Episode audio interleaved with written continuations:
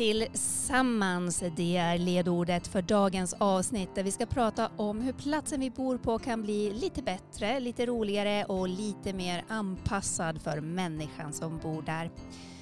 För hur skapar vi egentligen ett samhälle där vi trivs, där små idéer kan bli stora och där vi tillsammans kan nå klimatmål, inkludering och må bra? Jag heter Elin Leijonberg och idag har jag med mig ingen mindre än Umeås alldeles egna Ida Hillebjörk. Hej Ida! Hej! Hej! Vad kul att bli presenterad sådär. Eller hur? Ja. Du har ju varit med i Klimatekot förr. Ja. Nu var det ganska, ganska länge sedan egentligen tror jag. Ehm, hur tycker du då att vi ska beskriva dig? Denna kreatör. Men jag brukar kalla mig professionell dagdrömmare. Ja men just det, Mm. så är det. Eh, då, kan man ju få vara lite vad som helst. Jag vill ju bara vara med och göra världen lite bättre och efter bästa förmåga. Ja. Ibland undrar man ju om det går. Och speciellt om man själv bidrar. Men eh, ja, jag gör ju massa olika saker. Ja men du gör ju det och vi ska ju prata lite om, om det idag för väldigt mycket går ju ut på just den här tillsammans-tanken att Mhm. göra saker tillsammans. Och i hållbarhetskretsar så här i Umeå så är du eh, ett känt namn. Du är med i väldigt många olika projekt som händer Ja. och sker i stan. Ja, det tror jag har att göra med mm, att min bakgrund är ju att jag har drivit företag och det var också en, det var ju mitt eget företag men ehm, det, det var verkligen tillsammans med andra och små lokala kreatörer. Eh, men sen också så tror jag att jag som person har eh, lätt att gå igång på saker och svårt att förvalta dem. Eh, så då får man vara med och starta upp saker och så sen när bollen är i rullning då kan man backa ur eller backa, man helt enkelt lämnar över det och så börjar man någonting nytt. Mm. Just det. Um, vad är det som driver dig idag? Men jag tror det är den här önskan om att få använda den tid man har på den här jorden att eh, bidra till någonting. Och jag känner bara själv att jag mår så bra när jag gör saker tillsammans med andra och att man inte behöver stå där själv och ta alla beslut och alla eh, liksom överväganden och så här utan att man tillsammans då eh, skrattar man åt att man kunde komma på en dålig idé till exempel eller bara hur svårt allting är eller eh, det är så otroligt starkt att vara med andra människor. Jag älskar det. Mm. Ehm, just nu så jobbar du på Umeå kommun. Mm. Ehm, berätta vad du gör där. Jo, men jag började för några år sedan.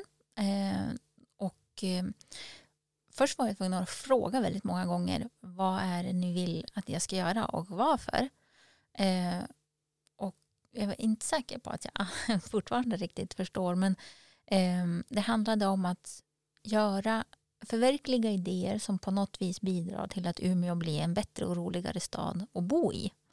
Eh, och jag skulle göra det genom att typ försöka engagera och inkludera oss som bor här i, hur, i stadens utveckling. Och jag vet inte riktigt hur jag ska göra det. Men eh, det är inte så att vi kan bestämma var det ska byggas en ny väg eller någonting. Men det finns ändå massor med människor som har goda idéer. Och oftast så stannar det vid att man tycker att det känns övermäktigt att börja. Eh, eller eh, man vet inte var man ska börja. Eller man kanske saknar pengar. Eller, ja. Så då är min, jag ska bara finnas där och så ska jag säga så här, herre du kan jag hjälpa dig med något? Eh, kan jag synka ihop dig med några andra som kanske vill samma sak som du så kan ni hjälpas åt. Och då har vi försökt att hitta lite olika sätt att göra det här på. Eh, det började med att vi eh, hade, var inspirerade av en stad utanför eh, Tokyo som heter Kamakura i Japan. Mm. Eh, där hade de eh, några av mina nuvarande kollegor men som inte var det då, de hade rest på en tjänsteresa dit. Och då eh, upptäckte de något som kallas för Kamakon. Eh, det var ett initiativ från deras eh, näringsliv i den staden. Och så ehm, hade de byggt upp en rörelse där man sågs typ en gång i månaden. Och eh, några personer hade fått anmäla intresse. Jag har en idé som jag vill berätta om. Och så var det liksom typ hundra personer minst varje gång som kom och, och, deltog på det där. Och så berättade man under typ tre minuter om sin idé. Eh, varje gång var det typ tre till fem personer som berättade. Och sen eh, eh fick publiken välja. Bara, men din idé tyckte jag var intressant. Den vill jag vara med och brainstorma kring. Och så gjorde man det. Sen eh, summerade man vad brainstormingen hade kommit fram till genom att berätta om typ ett speciellt bra eh, förslag som man hade fått och hur många. Eh, och sen så hade de fest. Och jag bara, det här låter ju superbra. fest. Eh, och då, det här var mitt under pandemin. Så det, vi kunde inte ha så mycket fester och eh, inte så stora samlingar heller. Eh, men då gjorde vi vad vi kallade en digital festival eh, med en, en efterföljande digital workshop. Och eh, det var, det var ju liksom det första jag gjorde. Mycket lärande där. Jag gick också runt och funderade på vad egentligen en medborgardialog är. Mm. För jag trodde att det var liksom någon specifik sätt. Eller liksom Typ som att allting måste diarieföras. Tänkte jag att en medborgardialog är som... Vad är det då? Ja, det kan vara lite vad som helst. Typ nu har jag en idé om att vi ska ha medborgardialog och åka ut med våra samhällsplanerare. De ska visa någonting de har gjort om hur planer kring hur stan kan förtätas i olika stadsdelar. Eh, och eh, då ska vi göra det i form av ett litet tivoli. Okay. Ja, så kan jag, då ska jag få vara cirkusdirektör. Tänker jag ha med en, en liten eh, cylinderhatt. och så någon sån här... Du, du, du, eh, men, har du med dig dina kollegor på det här? Yes, men, men jag vet inte, de ska ändå få vara liksom den lite mer så här seriösa delen av Umeå kommun. Så det, jag, har, känner att jag har en bra plats. Att man får liksom lite släk att vara cirkusdirektör på jobbet. Men vad det jag skulle komma till om den här digitala festivalen eh, så de där digitala workshopen så var det ju liksom en eh, det blev ju någon typ av medborgarförslag mm. och så sen skulle vi lämna över det till någon som gruppen hade utsett. Och det som var dels svårt var att ja, men det stod kanske inte en person för det vet man inte vem det är utan mm. det står så här, Umeå kommun och så ska jag hitta rätt person att lämna det till. Mm, det var dels lite svårt och mäckigt men också att de eh, som jag har lämnat till tyckte väl alla att det var ja, men så här, ett eh, förslag handlade om incitament för cykelvänligt byggande. Eh, men det var säkert en jättebra idé men jag tror att han som jag lämnade till visste inte riktigt vad han skulle göra med det. Mm. Eh, och många sådana där saker tror jag blev liksom inte gjort så mycket. Så då skruvade vi på det lite grann. Och eh, dessutom så eh, fick vi börja ses igen. Och eh, då uppfann vi någon, vi kallar det en live session. Eller en medborgarverkstad. Och det var ganska precis taget från Kamakon, det de gjorde där. Eh, så det var fantastiskt kul. I maj så kom också Honda som han hette som hade startat upp det där i Kamakon. Eller eh, Kamakura, eh, kom hit och höll en eh, sån här idéverkstad med oss. Och så fick jag höra mm. liksom, om hela hans upplägg och tankar och så. Och det var jätte, jätteinspirerande. Eh, men liksom, mot slutet på året så var det ganska svårt att hitta fler personer som ville berätta. Alltså jag tänkte att det här skulle ju bara, när det började bra, mm. då skulle det liksom bara växa. Eh, men det var mer att eh, det var svårt att få folk att eh, berätta om sina idéer och syftet var liksom att man skulle själv vara engagerad i att göra verklighet av dem. Just det. Så jag var lite dränerad där på slutet. Ja. Är det det här som är Umekom då? Ja, exakt. Ja, precis. Jag tror vi har nämnt det några gånger förut mm. i podden, bara lite så här i förbifarten.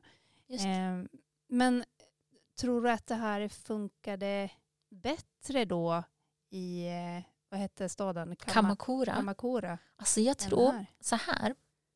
Mm, utan att veta om Mm. jag har rätt. Mm. Men de hade ju den där festen på Ja, det är slutet. festen som är grejen. Ja, det är där Alltså, föds. ja, både det, men också att så här, folk möttes som jämlikar. Ja. Eh, på deras träffar så hade de alltid typ en borgmästare eh, som var där och politiker och näringslivet och liksom random medborgare som inte eh, ja, har någon roll specifikt. Just det. Eh, och eh, de hängde med varandra. Man blev liksom, eh, man möttes på samma villkor.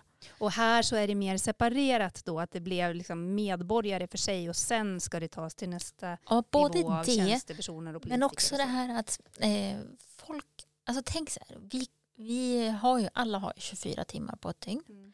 Många har ju massa fritidsintressen och man ska träna och man ska handla och man ska städa och man kanske har barn som ska skjutsas någonstans och man ska läsa böcker och tidningar och hinna se serier på Netflix och inte Mm. vet jag. Det finns en massa saker som vi konkurrerar vi, Det är folks tid vi ber om. Mm. Och för att det ska kännas eh, värt att ge sin tid till någonting så måste man tycka att det är roligt. Mm. Och det är det jag har försökt att liksom göra det så roligt jag bara kan. Vi bjuder på veganskt fika, jag tar med mig vimplar och liksom, eh, jag försöker vara rolig när jag håller i träffarna och så här.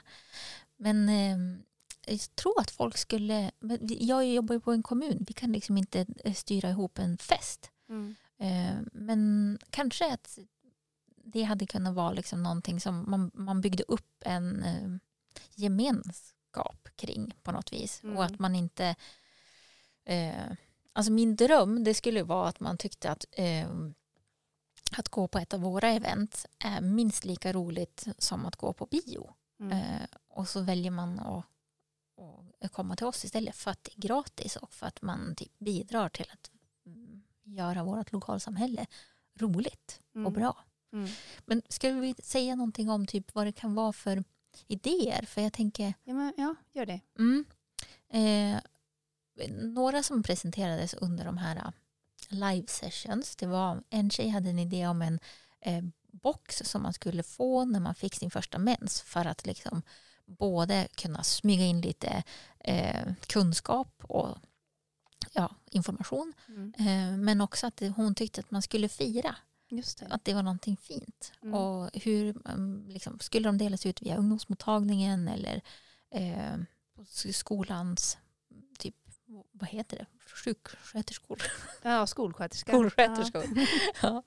Eh, ja, det var en idé och sen var det en annan som handlade om att man ville göra en intervjustudio för Umeå fyllde 400 år. Ja, just det. Och så skulle man få intervjua, vem som helst skulle kunna boka den och intervjua vem de ville om typ var, vad de ville. Mm.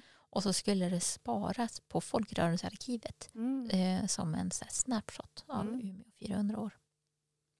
Och så var det, oh, jag måste berätta om Annibel. Hon var Okej. bara åtta år och driver en liten glasskiosk Jaha. tillsammans med sin familj. Och hon hade sett att de här äh, squeezy-flaskor för sylt Mm. inte gick att fylla på.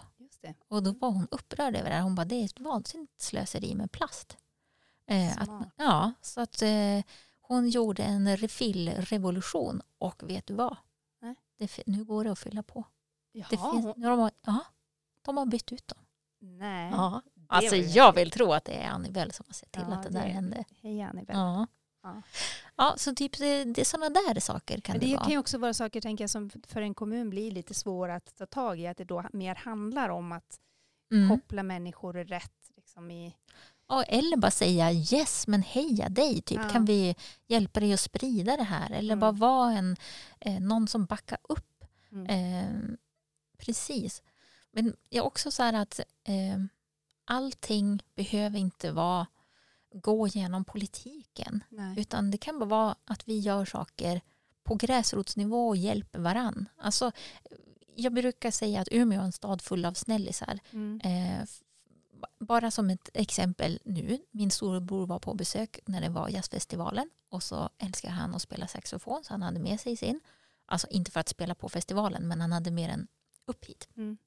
Eh, och eh, så skulle han gå med eh, saxofonen till typ busshållplatsen. Och då var det någon som hade sett honom för han hade också med sig rätt mycket packning. Och så hade de typ stannat och frågat men du det där såg jobbigt ut, eh, vill du ha skjuts? Och så, Nej. ja, de kände inte varandra. Och han Mm. bara, men oj, jättesnällt. Kanske lite naivt, jag vet inte. Men det var ju verkligen någon som bara ville vara snäll. Mm. Och Det där, liksom, hur skapar vi den där kulturen Mm. i en hel stad? Eh, Jag vill ju eh, tro att vi är som en att vi är en sån stad. Men sen hur bibehåller den när vi växer? Mm. Och hur, hur cementerar vi det där i ehm, allt i hela stan så att vi lever goda liv där vi känner oss trygga och i gott sällskap. Mm.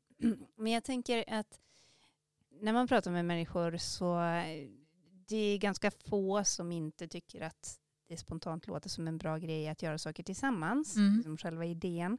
Ehm, Men samtidigt så bor vi då här i Sverige. Eh, Vi har jantelag, vi är, om- jag tror att vi är världens mest individuella Mm. folk. Eh, Vi ska klara saker själva. Vi är vana att göra, inte göra saker Mm. tillsammans. Hur mycket käppar i hjulet sätter det tror du? I att ändå försöka, alltså att försöka ändra det sättet att tänka på. Ja, men jag tror att jag är ett levande exempel på att det går. När jag hade min, eh, mitt företag då kallade jag mig för kapten och jag gjorde fasen allt. Eh, och liksom, jag, jag höll ju på att gå sönder. Mm. Eh, men jag, dels ville jag inte be folk om hjälp för att det kändes taskigt. Varför skulle någon hjälpa mig? För jag, hade, jag försökte bygga upp det här företaget, hade inte så mycket cash. Liksom. Mm. Och eh, att, eh, ja, det var också då anledningen till att jag inte kunde liksom köpa hjälp. Mm. Utan, eh, men det hade jag ju hellre gjort än att be om hjälp liksom gratis. Ja, det är ju någonstans den mentaliteten vi har mycket i Exakt. Sverige. Att Ja. Det är lättare att köpa. Ja, men eh, det där liksom, jag kände nog att så här, bågen bara spändes och spändes och spändes. Mm, och så brast den när det blev en pandemi. Mm. Eh, så då konkade ju jag. Mm. Men eh, det var ganska bra för att då liksom kom jag ur min bubbla och så tänkte jag bara aldrig, aldrig igen ska jag göra någonting när jag bara ska göra det själv. För vad hemskt, alltså, det var ju skitjobbigt. Jag kände det liksom när jag väl blev av med det på något vis, att jag kom ur det, Mm. eh, vad, vad jag hade kämpat liksom. Mm. Eh, så då kände jag bara det här, äh, men också att det är så mycket människokärlek efter den här perioden av, eh, vi har gått igenom en pandemi, eh, vi har liksom krig i närområde och det är inflation och det är AI och det är bara allt. Eh, och hur vi liksom har börjat lära oss att möta varandra som typ riktiga människor. Mm. Det känner jag så här. Men eh, på vilket sätt tänker du då när du säger möta varandra som riktiga människor? Att man får vara sårbar och eh, att typ, vi inte liksom bara robotar som fungerar och liksom passar in i det här ekorrhjulet som vi har byggt helt åt oss själva som samhälle. Liksom. Vi bränner ut oss och mår dåligt och är ensamma. Och, ehm, ja, att vi istället lär oss att det, vi, det där är som får en att typ må bra. Mm. När det var en dam som hade ramlat i en snödriva.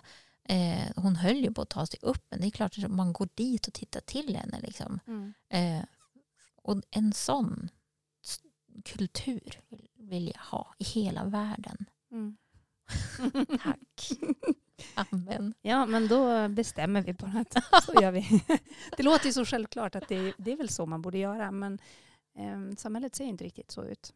Nej, men och jag tänker ibland att eh, alltså, jag upplever att jag själv är väldigt förskonad från liksom, trauma och eh, ja, det har, jag har haft ett bra liv.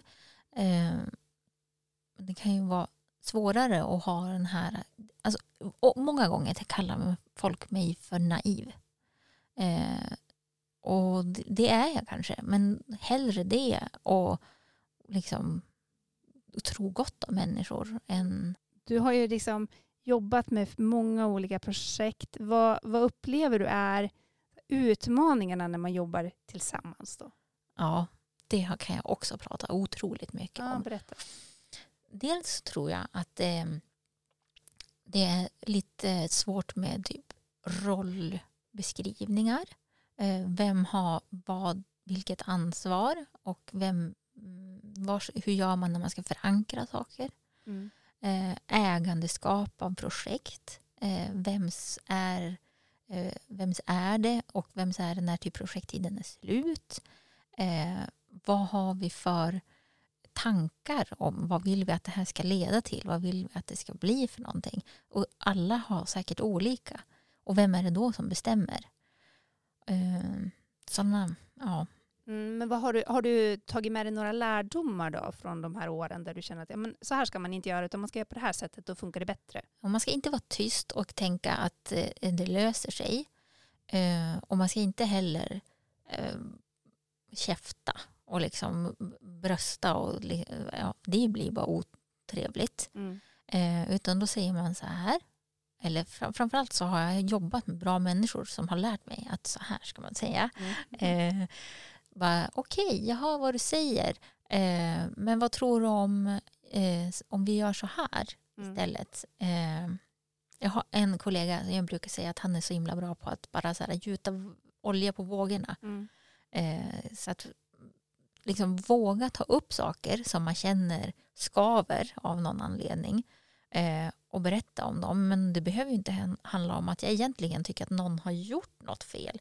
Eh, utan bara eh, det, det, är någonting som inte känns bra. Jag kanske inte knappt vet det själv. Mm. Men att man då har en sån eh, relation med dem man jobbar med. Att, eh, eller jobbar med eller gör saker med.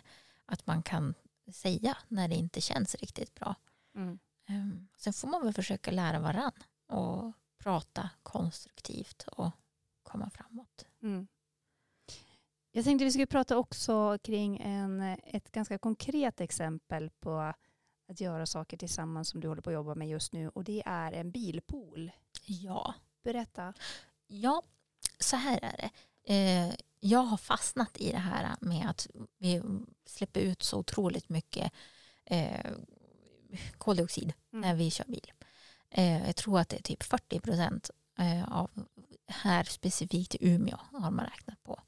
Eh, och också det här att en bil står typ parkerad 97 procent av tiden.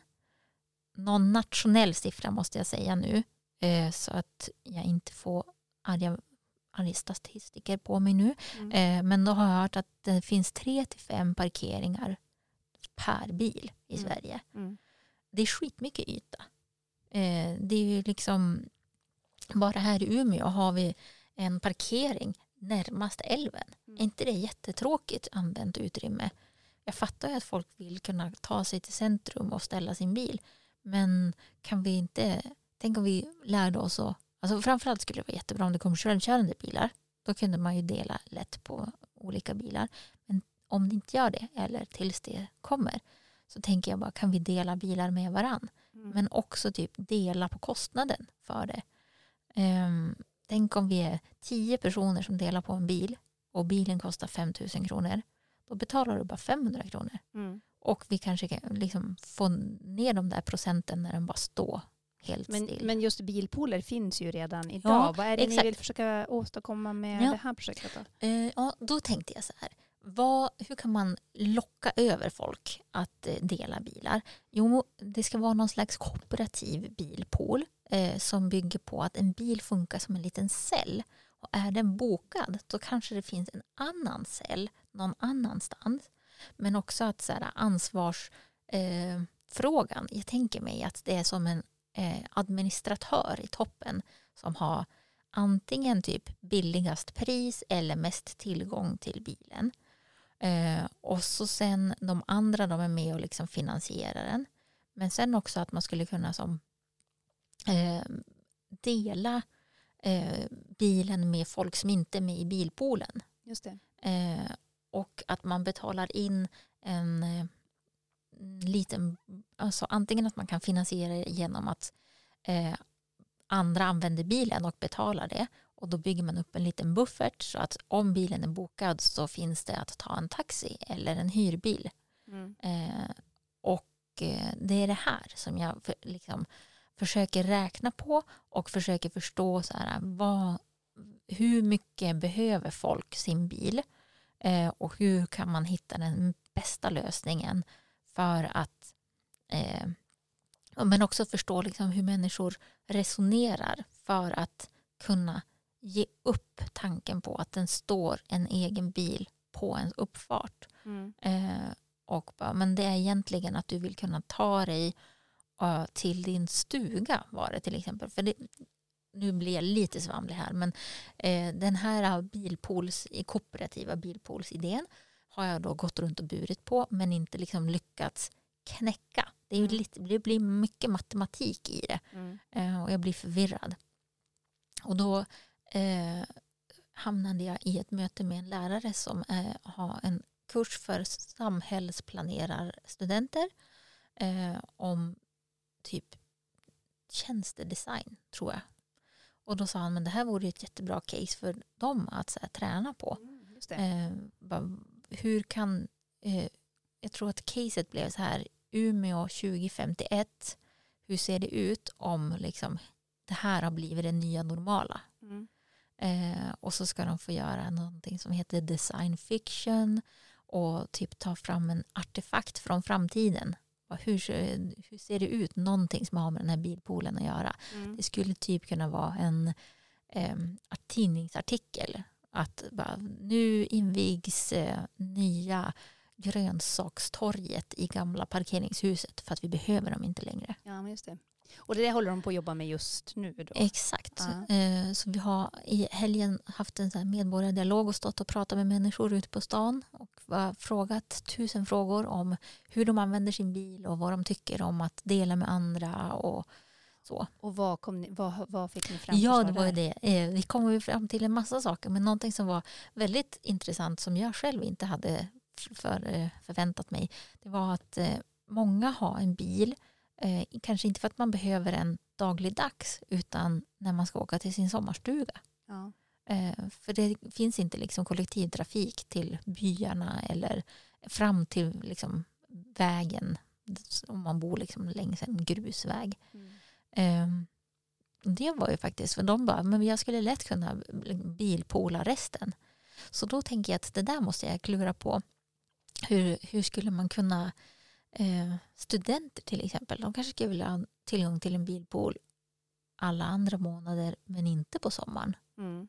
Och då kan de som har sommarstuga använda bilen. Ah, det är de här alltså sakerna Ja, det som är jag mycket måste... klurigt med det där med bilpool. Det har vi också pratat om tidigare här i, i podden. Men jag vet, för vi hade ju eh, ett par år tror jag det var när vi inte hade bil. Mm, Ehm, och så körde vi bilpool. Eh, då körde vi en av de här bilpoolerna som ordnas av företag. mm, Eh, och det funkade jättebra eh, så länge vi skulle inom stan och sådär. mm, Men när vi ville göra någon liten längre tripp, eller det Mm. behövde inte ens vara en längre tripp, men någonstans lite utanför stan, till exempel på sommaren, man vill åka ut i havet och bada. mm, Eh, det handlar om tre mil, mm, kanske något sånt. Eh, men bilen skulle då stå parkerad där mm, hela dagen exakt. för att sen köra de här milen hem Mm. Och då betalar man ju även för tiden man har bilen. Exakt. Och då blev det otroligt dyr mm, badtripp. precis. Och vilket min, gjorde att det inte blev någon, något Mm. badande. Ja, och det, bada ska man ju göra. Ja. Då tänker jag så här, eh, sådana bilpooler, en bil kostar ju oavsett om någon använder den eller inte. Vilket gör att företag måste ju liksom få in de där pengarna Mm. och också lite till för att gå med vinst. Eh, men ett kooperativ behöver ju inte gå med vinst. Så Nej. att om man liksom bara kan få den där bufferten eh, att bli tillräckligt stor så att eh, man skulle kunna, men nu är den bokad den här helgen. Eller tänk så här, om vi är tio som delar på en bil då, och det är 30 dagar på en månad, då Mm. har jag tillgång till bilen tre dygn Mm. på en månad. Eh, hur fördelar man de dygnen bäst? Eh, och samtidigt bara behöver betala en tiondel av vad det kostar att ha bilen. Mm. Eh, och dessutom kanske liksom kan tänka sig att om det är så att ja, men, på veckorna mellan eh, jag vet inte, när man är på jobbet kanske det, man kan cykla eller Mm. någonting. Då står bilen och då kan andra som är utanför våran lilla grupp av, då kan de använda den här bilen vilket gör att vi kanske också kan få in lite pengar och vi underlättar för folk att ja, få, få tillgång till en bil helt enkelt. Mm. Men jag tänker, tiden springer iväg här Ja. nu, så jag tänker bara om avslutningsvis, liksom, om du då ser efter den här helgen till exempel, nu har vi det här som ett konkret exempel med bilpoolen och Mm. att göra någonting tillsammans och kooperativt. Ehm, ni har haft medborgardialog, ni har tagit in massor med synpunkter. Vad känner du nu blir nästa steg? Gav det någonting, som, någonting konkret liksom, att jobba vidare med som faktiskt kan leda framåt sen i ditt arbete? Ja, alltså då är det ju så tur att vi har faktiskt en lärare på den här kursen som är eh, mastermind av hur man liksom strukturerat tar sig igenom en sån här process. Och då har jag hört talas om double diamond. Har du gjort det? Nej, det har jag inte gjort. Nej. Eh, Ska vi se om jag kommer ihåg den då. Mm. Ja, det börjar med, tänk dig att det är som två romber som ligger intill varandra. Så här. Nu ritar jag i luften. Den öppnar upp sig, sluter. Mm. Öppnar upp och sluter. Först måste man öppna upp och fråga en massa frågor för att försöka bilda sig en uppfattning om hur ser den här äh, bilpoolen ut. Eh, sen måste man tratta ner och fokusera på någonting. Sen ska man öppna upp igen och kanske visa en prototyp eller någonting. Och sen ska man, nej nu har jag glömt bort hur det här var, men eh, man ska liksom eh, ta sig igenom en process. Så imorgon, eh, då är det dags för in, eh, nu ska vi tratta ner igen. Nu har vi öppnat upp och haft dialog, nu ska vi tratta ner igen. Ja. Det blir konkret nästa steg. Det blir konkret nästa steg.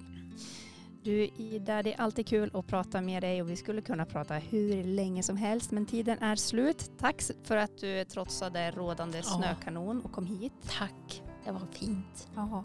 Och här i Umeå så är vi ju insnöade just nu men i Dubai där har klimatkonferensen eh, COP28 precis dragit igång.